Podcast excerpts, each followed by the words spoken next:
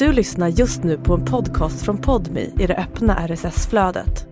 För att få tillgång till Podmis alla premiumpoddar helt utan reklam, prova Podmi Premium kostnadsfritt.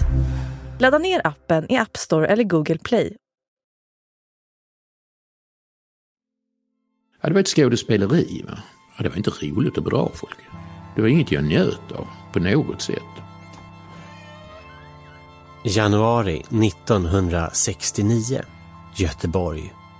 Det är mitt i natten. Jag var ju orienterad i lokalen så jag visste var saker och ting fanns. I FNL-gruppernas nedsläckta lokaler smyger 24-åriga Gunnar Ekberg runt. Sen eh, plockade vi papper och började i ena änden.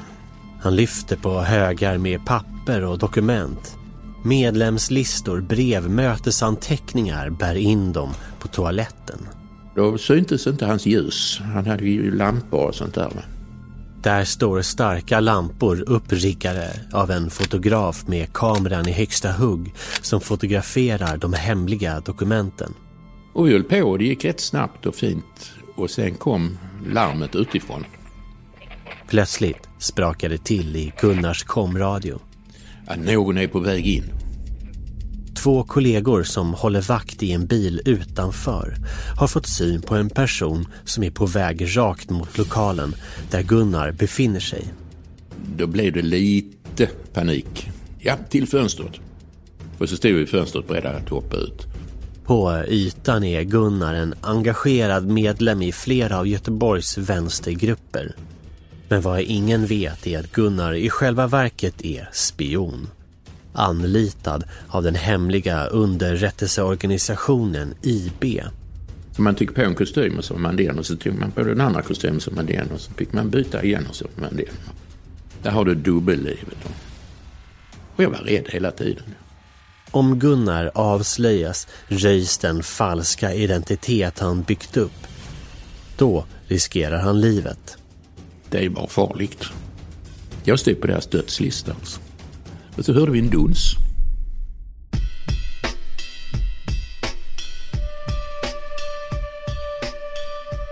Du lyssnar på Dubbelliv, podcasten om våra hemliga liv och dolda identiteter. Från produktionsbolaget Banda för Podmi. Jag heter Hugo Lavett. I det här avsnittet berättar reporter Sara Olsson spionen Gunnar Ekbergs historia.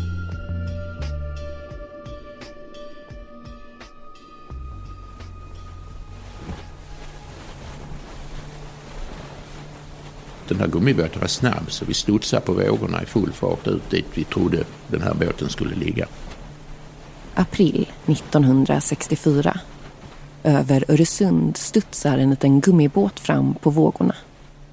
I fören sitter 19-åriga Gunnar Ekberg. Och titta om vi kan se någon oljefläckar eller någonting. Han är klädd i tunn våtdräkt, ett stort otympligt cyklopöga, tuber och simfenor.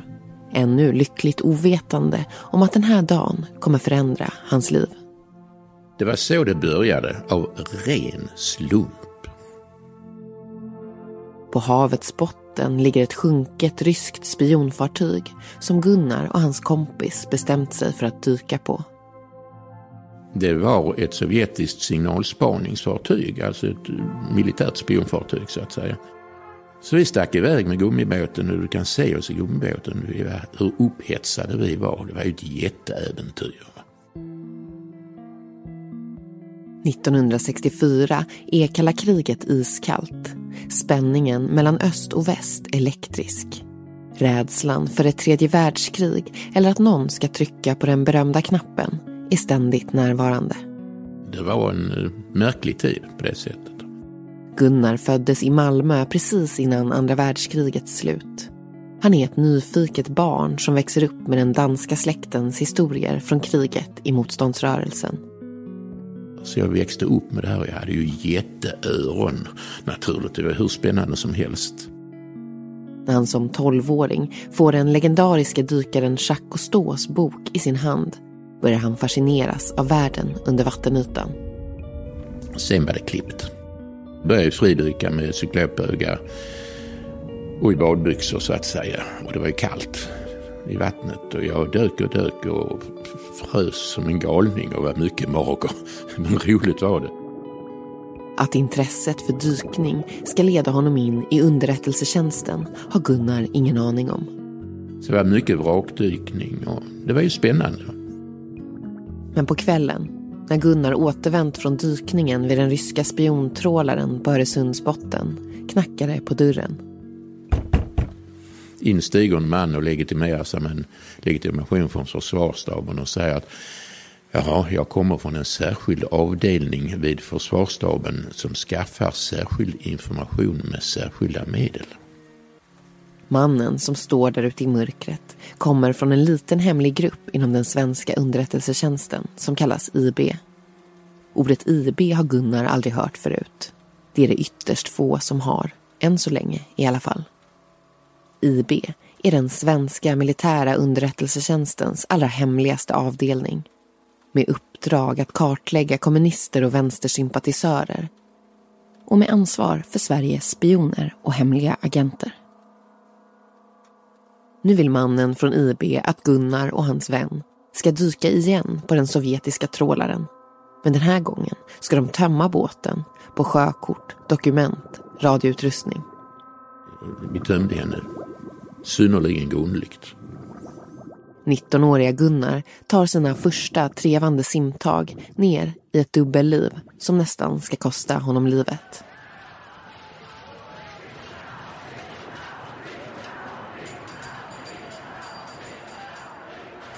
–1968 flyttar Gunnar till Göteborg.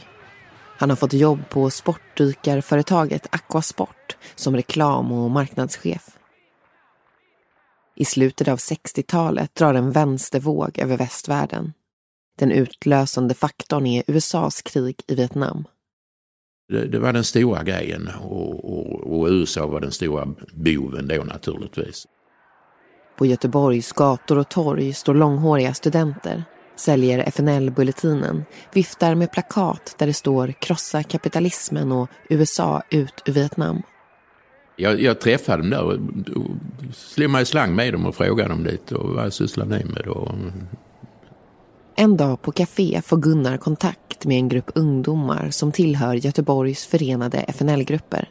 De stöder det vietnamesiska folket mot USAs ockupation. Och så berättar de lite grann sådär. Och kom gärna till ett möte då och då så kan du få veta mer. Så. Gunnar ser sin chans. Vi hade pratat om det innan i det vi kallade för firman. IB alltså. Under åren som gått sedan den där dykningen i Öresund har Gunnar gjort några småuppdrag åt den hemliga underrättelsegruppen IB. Eller firman som den kallas internt. Och så sa de, ja, gå in och se vad som händer. Nu vill firman att Gunnar tar sig in i några av Göteborgs yttersta vänstergrupper som ses som ett hot mot rikets säkerhet av den socialdemokratiska regeringen. De eh, ville ha in mig i den yttersta vänstern för att jaga kontakter med främmande makt. Som det hette, det vill säga KGB och Stasi och sådana här saker. Det var syftet så att säga. Sen rullade det igång. Gunnar går på sitt första möte med FNL-gruppen för att smälta in klär han sig i tidstypiska manchesterkläder. Hittar på en fejkad identitet. Identiteten var att jag var radikaliserad student i Göteborg. Sportdyka Gunnar blir student. Vänsterradikal student. Ja, det var ett skådespel. Och det viktiga var ju då att jag skulle vara allmänt intresserad. Ryan Reynolds här från Mint Mobile. Med priset på nästan allt som går upp under inflationen, trodde vi att vi skulle bring våra priser down. So to help us, we brought in a reverse auctioneer, which is apparently a thing. Mint Mobile unlimited premium wireless. Ready to get 30, 30, bit to get 30, bit to get 20, 20, 20, bit to get 20, 20, bit to get 15, 15, 15, 15 just 15 bucks a month. So, Give it a try at mintmobile.com/switch. slash $45 up front for 3 months plus taxes and fees. Promo rate for new customers for limited time. Unlimited more than 40 gigabytes per month slows. Full terms at mintmobile.com. Men inte ta, egentligen inte ta någon egna initiativ utan se till att vara lydig. Han läser på om sin nya ideologi, marxismen, plöjer Lenins samlade verk Mao Zedongs Lilla röda. Det var oerhört viktigt att man rätt citat och sådana här saker var det. Och sen skanderade man slagord och lite sånt. Snart tar han sig vidare från FNL-gruppen in i det kommunistiska partiet, Kommunistiska förbundet Marxist-Leninisterna, KFML. Och det var det som var intressant. Där är man enligt Gunnar intresserade av honom eftersom han gjort militärtjänst som dykare. Alla skulle verkligen se till att lära sig att skjuta och sånt där. Det var ju väldigt viktigt att kunna sånt när revolutionen skulle komma och den skulle komma snart. Gunnars fejkade engagemang växer. Studiecirklar, möten, demonstrationer, flygblad. Men hur är det då att umgås så mycket med folk som man liksom inte sympatiserar med? Det är svårt. Ja, jag hade ju min egen personlighet så att säga, den som fanns med och sen så var det ett skal av det som man kunde visa upp för att komma vidare i de här rörelserna. Man fick bygga en annan personlighet som man tog på sig så att säga när man träffade dem. Var det inte svårt att liksom, eller lätt att tappa bort sig själv? Alltså så här, vem är jag? Vem är Gunnar? Ja, nej, jag visste vem jag var och jag visste varför jag gjorde det här. Jag föll inte i och började sympatisera, det, det, det slapp jag.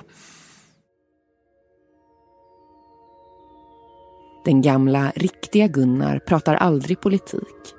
Den nya, vänsterradikala Gunnar tapetserar väggarna i lägenheten med planscher av hammaren och skäran.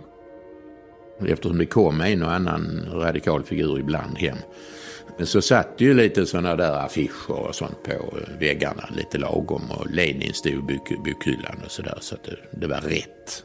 Men när mina föräldrar någon gång kom på besök, ja, då åkte alla de här böckerna ner i en eh, låda och alla affischerna byttes ut. Och sen den där lådan åkte in under sängen. Ja visst, sen möblerade man om sen när de hade åkt. Gunnar låtsas inför de nya kamraterna i det kommunistiska partiet. Men han måste också låtsas inför familj och vänner. Ingen får veta att han är spion. Det gick ju inte att hålla på och ljuga åt gamla vänner och sånt. Det skulle inte fungera. Det skulle inte fungera att jag spelar radikal. Min morsa hade bara garvat åt mig. Hon har ju förstått det direkt. På lördag förmiddagarna när han säljer FNL-bulletinen eller kommunistiska gnistan utanför vindpinade systembolag måste han se upp så att inga av hans riktiga vänner får syn på honom. Så att de två världarna, hans två roller, inte krockar.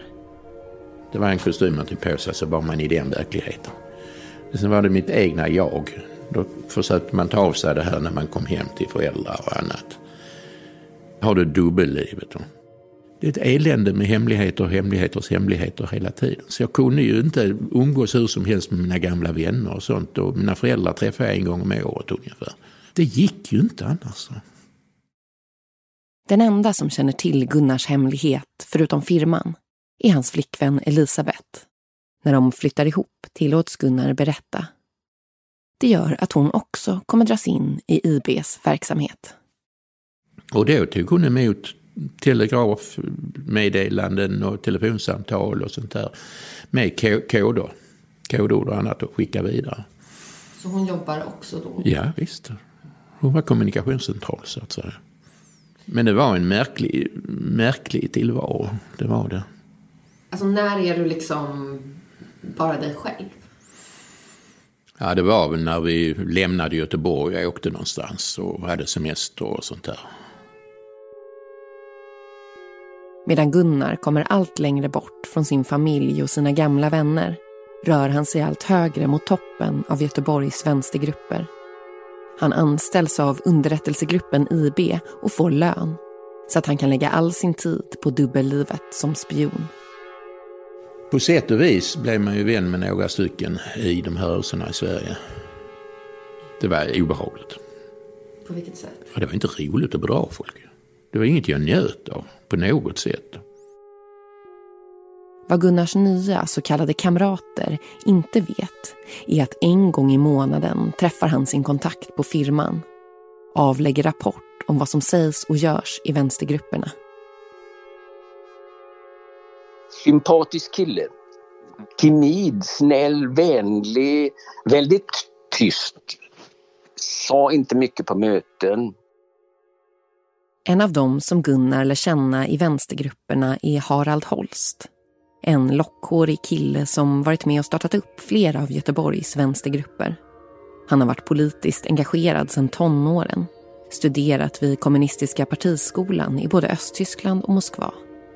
Harald tar emot Gunnar med öppna armar.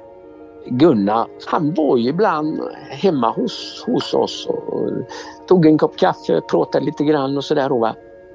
När vi pratade, då blev det ju naturligtvis det som, det som band oss samman. Organisationen, hur man skulle jobba det, vilka man skulle stödja, Vietnamarbetet, precis på samma sak. Alltså.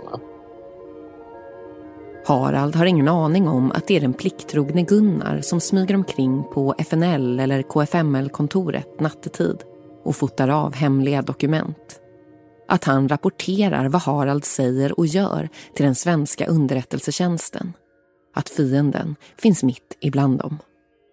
Alltså han var, Gunnar var inte bara en av, så att säga, en, en, en arbetskamrat inom citationstecken. Alltså då, Han var vän. Han, han ställde alltid upp i, i privata sammanhang om jag hade problem med min bil. Var det någon jag visste bergsäkert skulle kunna komma en söndag morgon klockan nio så var det Gunnar. Då ringde man honom. Ändå finns det på den här tiden en viss paranoia i Sveriges vänstergrupper. Också Harald är väl medveten om risken för infiltration. Vi utgick ifrån att vi var avlyssnade. Vi utgick ifrån att det fanns agenter. Eh, allt annat hade varit naivt. Alltså hur många gånger skojade vi inte om? Nu, nu knastrar det i telefonen igen. Nu sitter de. Hej! Hej Säpo! Här är jag! Vill du veta vad jag gör nu? Och så här. Jag tänkte inte att den kunde vara eller den inte kunde vara. Alltså, va? Jag utgick ifrån att kommer du med i vår rörelse så, så gör du det därför att du, du tror på det här. Alltså, va? Ja, men litade på varandra. Alltså. Och snart ska Gunnars tillit testas. Ett test som ska skicka honom ännu längre in i det kommunistiska partiets hemliga kärna. Djupare in i bedrägeriet. More than 300 people were taken hostage 1969 riktas världens blickar mot Mellanöstern. En grupp palestinska aktivister kapar flygplan och utför väpnade aktioner i motstånd mot den israeliska ockupationen. I Sverige börjar flera vänstergrupper att arbeta för att stötta palestiniernas kamp. Väldigt snabbt efter att jag hade kommit in där så kom det att handla om Mellanöstern. Och det är då det börjar kapas flygplan och sådana saker. IB vill att Gunnar tar sig in också i Palestinarörelsen.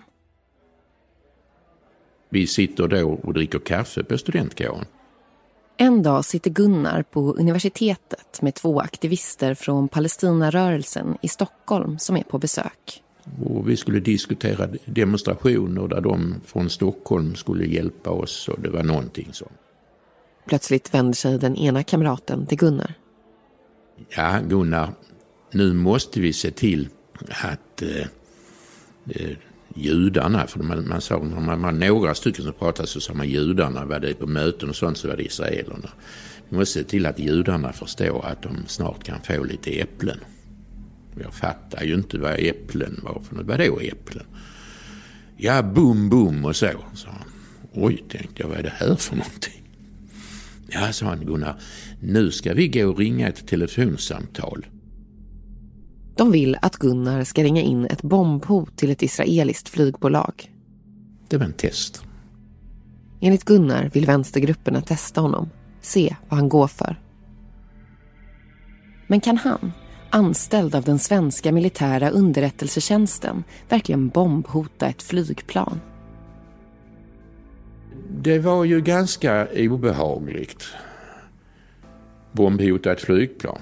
Men om jag inte gjorde det, då var det slut på kontakterna. Om jag gjorde det, vad kunde i värsta fall hända? Jo, att flygplanet inte startade. Att man sökte igenom det. Och fanns det en bomb så skulle man hitta det. Alltså gick jag med på det. De åker till en telegrafstation Gunnar får telefonnumret till flygbolaget. Och så gick vi in, då var det bås, telefonbås. Så man beställde ett samtal och sen gick man in i båset när det var uppkopplat. Och jag ringde och sa eh, flight number och så och så, bomb. Jag förstod att nu, nu, eh, nu öppnas dörrarna. Aktivist Gunnar har visat vad han går för. Nu är du inne. Han skickas till Mellanöstern. Där ska han ta sig in i organisationen Folkfronten för Palestinas befrielse, PFLP. Idag en av EU terrorstämplad organisation. Gunnar ska låtsas vara en svensk aktivist som vill hjälpa palestinierna. Samtidigt som han rapporterar tillbaka till svenska IB och nu också den israeliska underrättelsetjänsten Mossad. En, två, tre. Alltså det var ett antal roller så att säga som gick i varandra på något konstigt vis. Så man tog på en kostym och så var man den och så tog man på den andra kostymen var man den och så fick man byta igen och så var man den. Så vem är du inför de här personerna du träffar? Då är jag en kamrat från, eh, från Sverige som eh, ska hjälpa dem. Gunnar spelar rollen som kamraten från Sverige väl. Han börjar jobba åt PFLPs högsta ledare, hjälper organisationen att etablera sig i Europa, öppnar postboxar, hyr lägenheter, fixar svenska pass åt palestinska aktivister. Så att jag jobbade för dem så att säga. Och plötsligt utbildar mannen som är anställd av svenska staten palestinska attackdykare i hur man spränger fartyg. Jag skulle utbilda, hjälpa till att utbilda två dykare som skulle sänka ett fartyg. Sätta en mina i Beiruts hamn på fartyget som sen skulle explodera ute i Medelhavet. I Libanon får Gunnar i uppdrag att hjälpa PFLPs dykare att spränga ett kryssningsfartyg med 250 civila passagerare i Beiruts hamn. För det var amerikanska turister. Alltså ska de dö. När du får det uppdraget, hur mm. går tankarna i huvudet då? Ja, tankarna i huvudet går ju att jag måste ju se till att få ut information. Dagarna innan sprängningen ska ske vandrar han fram och tillbaka genom stan. Försöker avgöra om han är skuggad.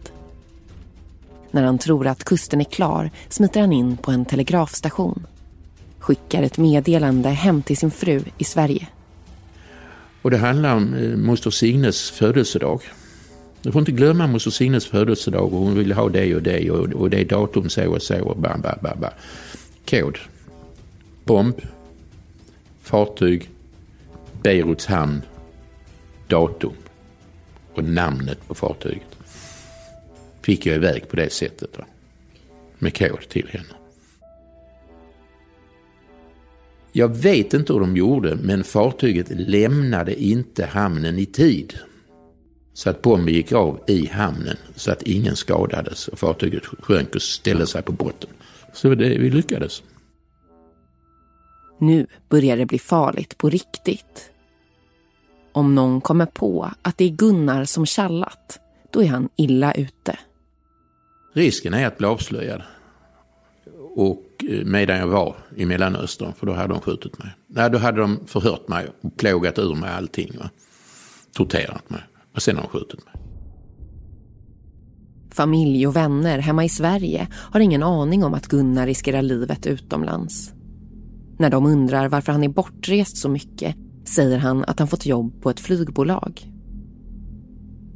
Då trodde de att jag jobbat på Crown Air. Jag hade fått en tech-anställning på Crown Air, ett litet flygbolag. På vägen hem byter han om till kostym, låtsas att han varit på affärsresa. Det var svårt att få ett grepp om, om Gunnar på det viset alltså. Också Harald och de andra kamraterna i vänstergrupperna hemma i Sverige tycker att Gunnar börjar bli väl hemlighetsfull. Han var ju väldigt förtegen om sig själv och jag fick aldrig riktigt kläm på det vad han, vad han jobbade med. Han kunde säga olika saker. Alltså att han, en, en jobbade han för något flygbolag, en jobbade han för någon dyk, dykfirma. Sen kunde han försvinna en tid också. Och sen kunde han dyka upp igen. Men å andra sidan, det var ju många som gjorde så. Ju längre in i dubbellivet Gunnar går, desto mer paranoid blir han Om ingen kan lita på honom, vem kan han då själv lita på? Vart han än går måste han se sig om över axeln, ta omvägar, koncentrera sig, inte försäga sig, inte säga fel, vara beräknad. Ja, men det blev en begränsad värld. Jag kunde ju inte öppet umgås och jag kunde inte bygga ut familj och sånt på ett normalt sätt. Det gick ju inte, så det, det var en sorts ensamhet också. Gunnar ljuger för föräldrarna, han ljuger för sina vänner, för sina partikamrater, för aktivisterna i vänstergrupperna i Sverige och Mellanöstern. Lögnerna blir mer och mer avancerade, insatserna allt högre. Jag hade perioder när jag inte trodde att jag skulle bli 30 år gammal. Vad jag kände var att jag visste ingenting om framtiden. Jag hade liksom ingen framtid.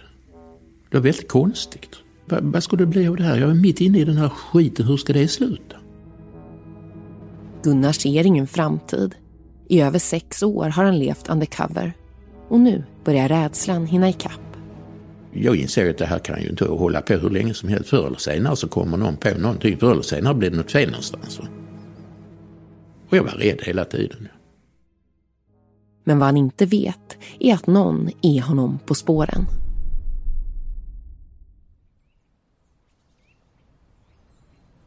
Det var våren 73, kan ha varit mars eller april. En vårdag 1973 står partikamraten Harald Holst inne på KFMLs bokhandel i Göteborg när telefonen ringer. Det är Jan Guillou. På den här tiden journalist på den antiimperialistiska tidningen Folket i Bild Kulturfront och aktiv i samma rörelser som Harald och Gunnar. Då ringer John mig och säger det att eh, vi behöver prata lite. Jag kommer ner till Göteborg. Trevligt, trevligt, säger jag då. Säg till när du kommer så slänger jag på kaffet. Nej, jag, vi ska inte ses uppe på bokhandeln utan vi ska ses någonstans där vi kan prata i lugn och ro. Och jag var ju lite förvånad. Solen skiner och de bestämmer sig för att ses i Slottsskogen. Och där sågs vi då och det var då Jan berättade hela historien om hur man hade kartlagt Gunnar Ekberg och att han var spion. Tillsammans med journalistkollegan Peter Bratt och med hjälp av en läcka inifrån IB har Jan Guillou grävt fram information om den hemliga underrättelsegruppens kartläggning av svenska vänstersympatisörer. Han har upptäckt att den påstådda kamraten Gunnar Ekberg som tagit sig långt in i flera svenska vänstergrupper i själva verket är spion. Och fan, vad fan är detta? Just att det var han, det var ganska bittert. Jag upplevde ju att vi var vänner. Tankarna snurrar i Haralds huvud. Alla samtal, fikor, möten hade Gunnar bara fått order om att komma honom nära.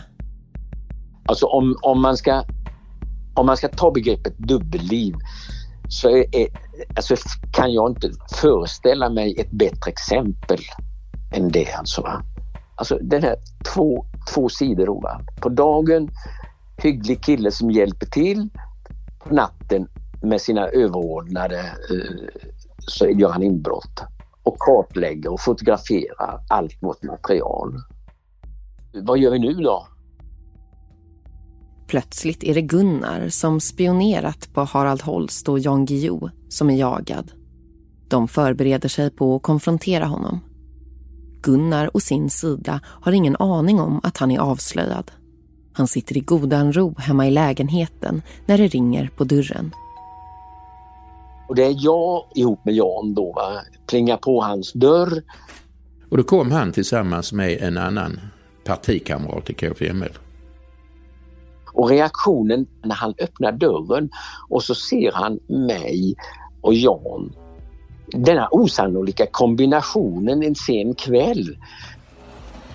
Så satt han sig vid mitt köksbord och fick ett glas vin och sånt. Jan börjar. Och Jan la upp fotografier på bordet av folk i IB. Du är en av dem, sa Vi vet detta, vi vet detta, vi vet detta. Alltihop kommer. Du vet hur det går om du inte samarbetar, så. spelet är över. Och då har jag tusen gånger undrat över hur, vad rör sig i, i, i Gunnars hjärna där då alltså. Va? Ja, jag tänker ju att han vet saker.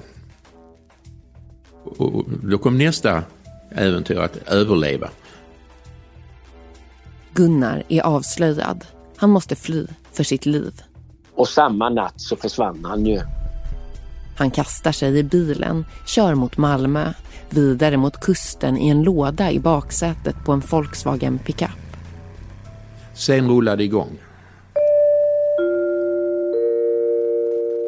Avslöjandena om den svenska underrättelsetjänsten Informationsbyrån, IB, fortsätter. I veckans nummer presenterar Folket Vild Kulturfront en man som uppges ha spionerat på FNL-grupperna, KFML och Palestina-grupperna i Sverige för IBs räkning.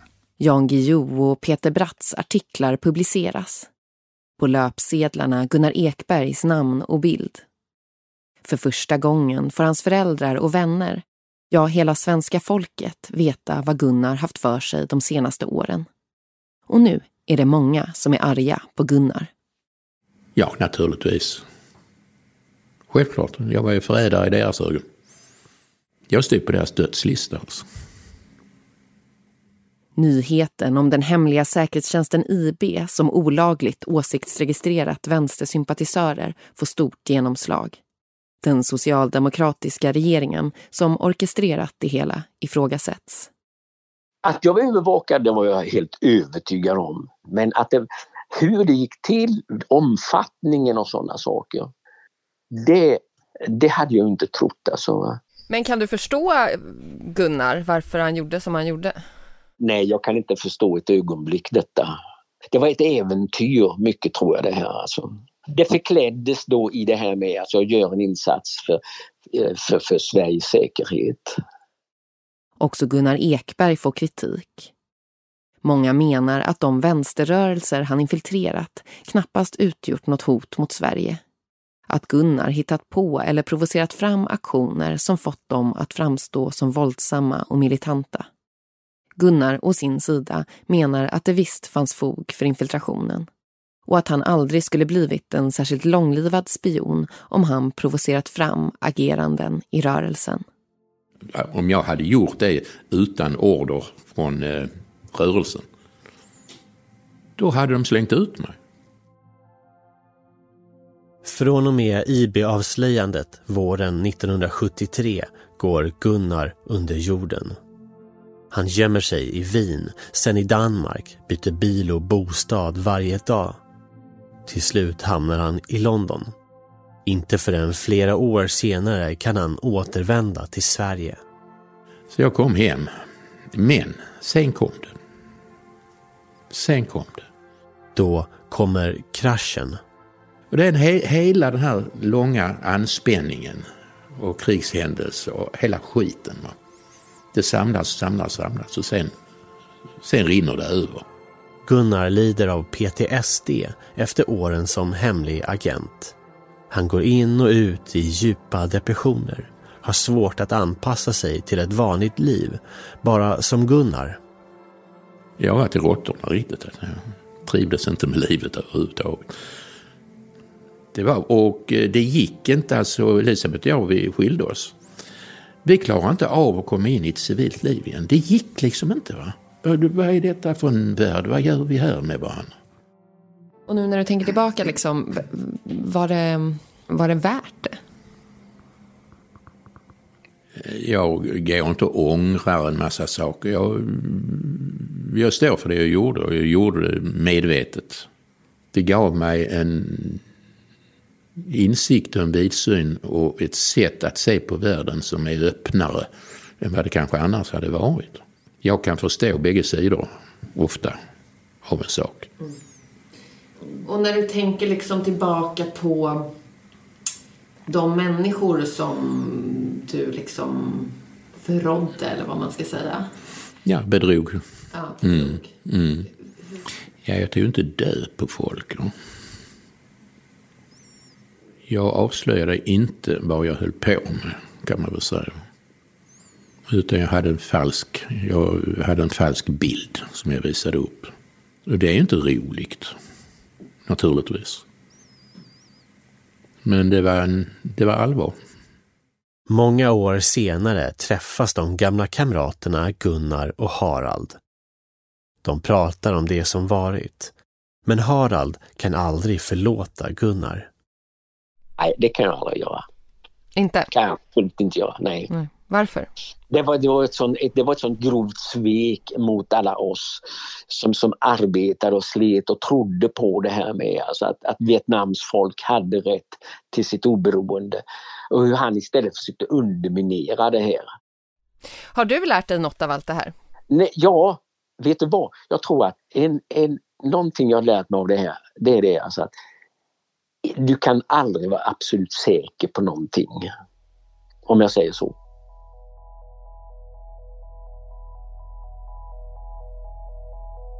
I Gunnar sitter spår från tiden som hemlig agent fortfarande i.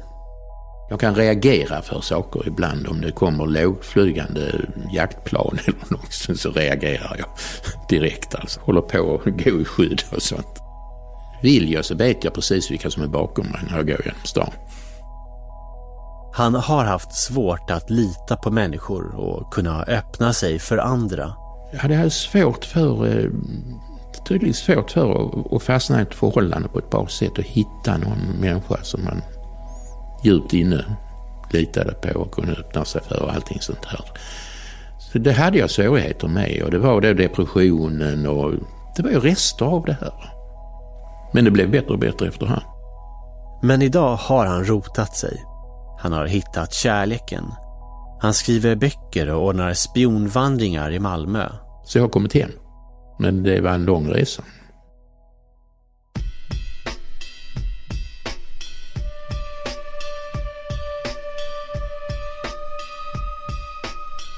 Du har lyssnat på Dubbelliv, en podd produktion från Banda. Reporter var Sara Olsson. Jag heter Hugo Lavett. Producent är Lovisa Lam Nordenskjöld.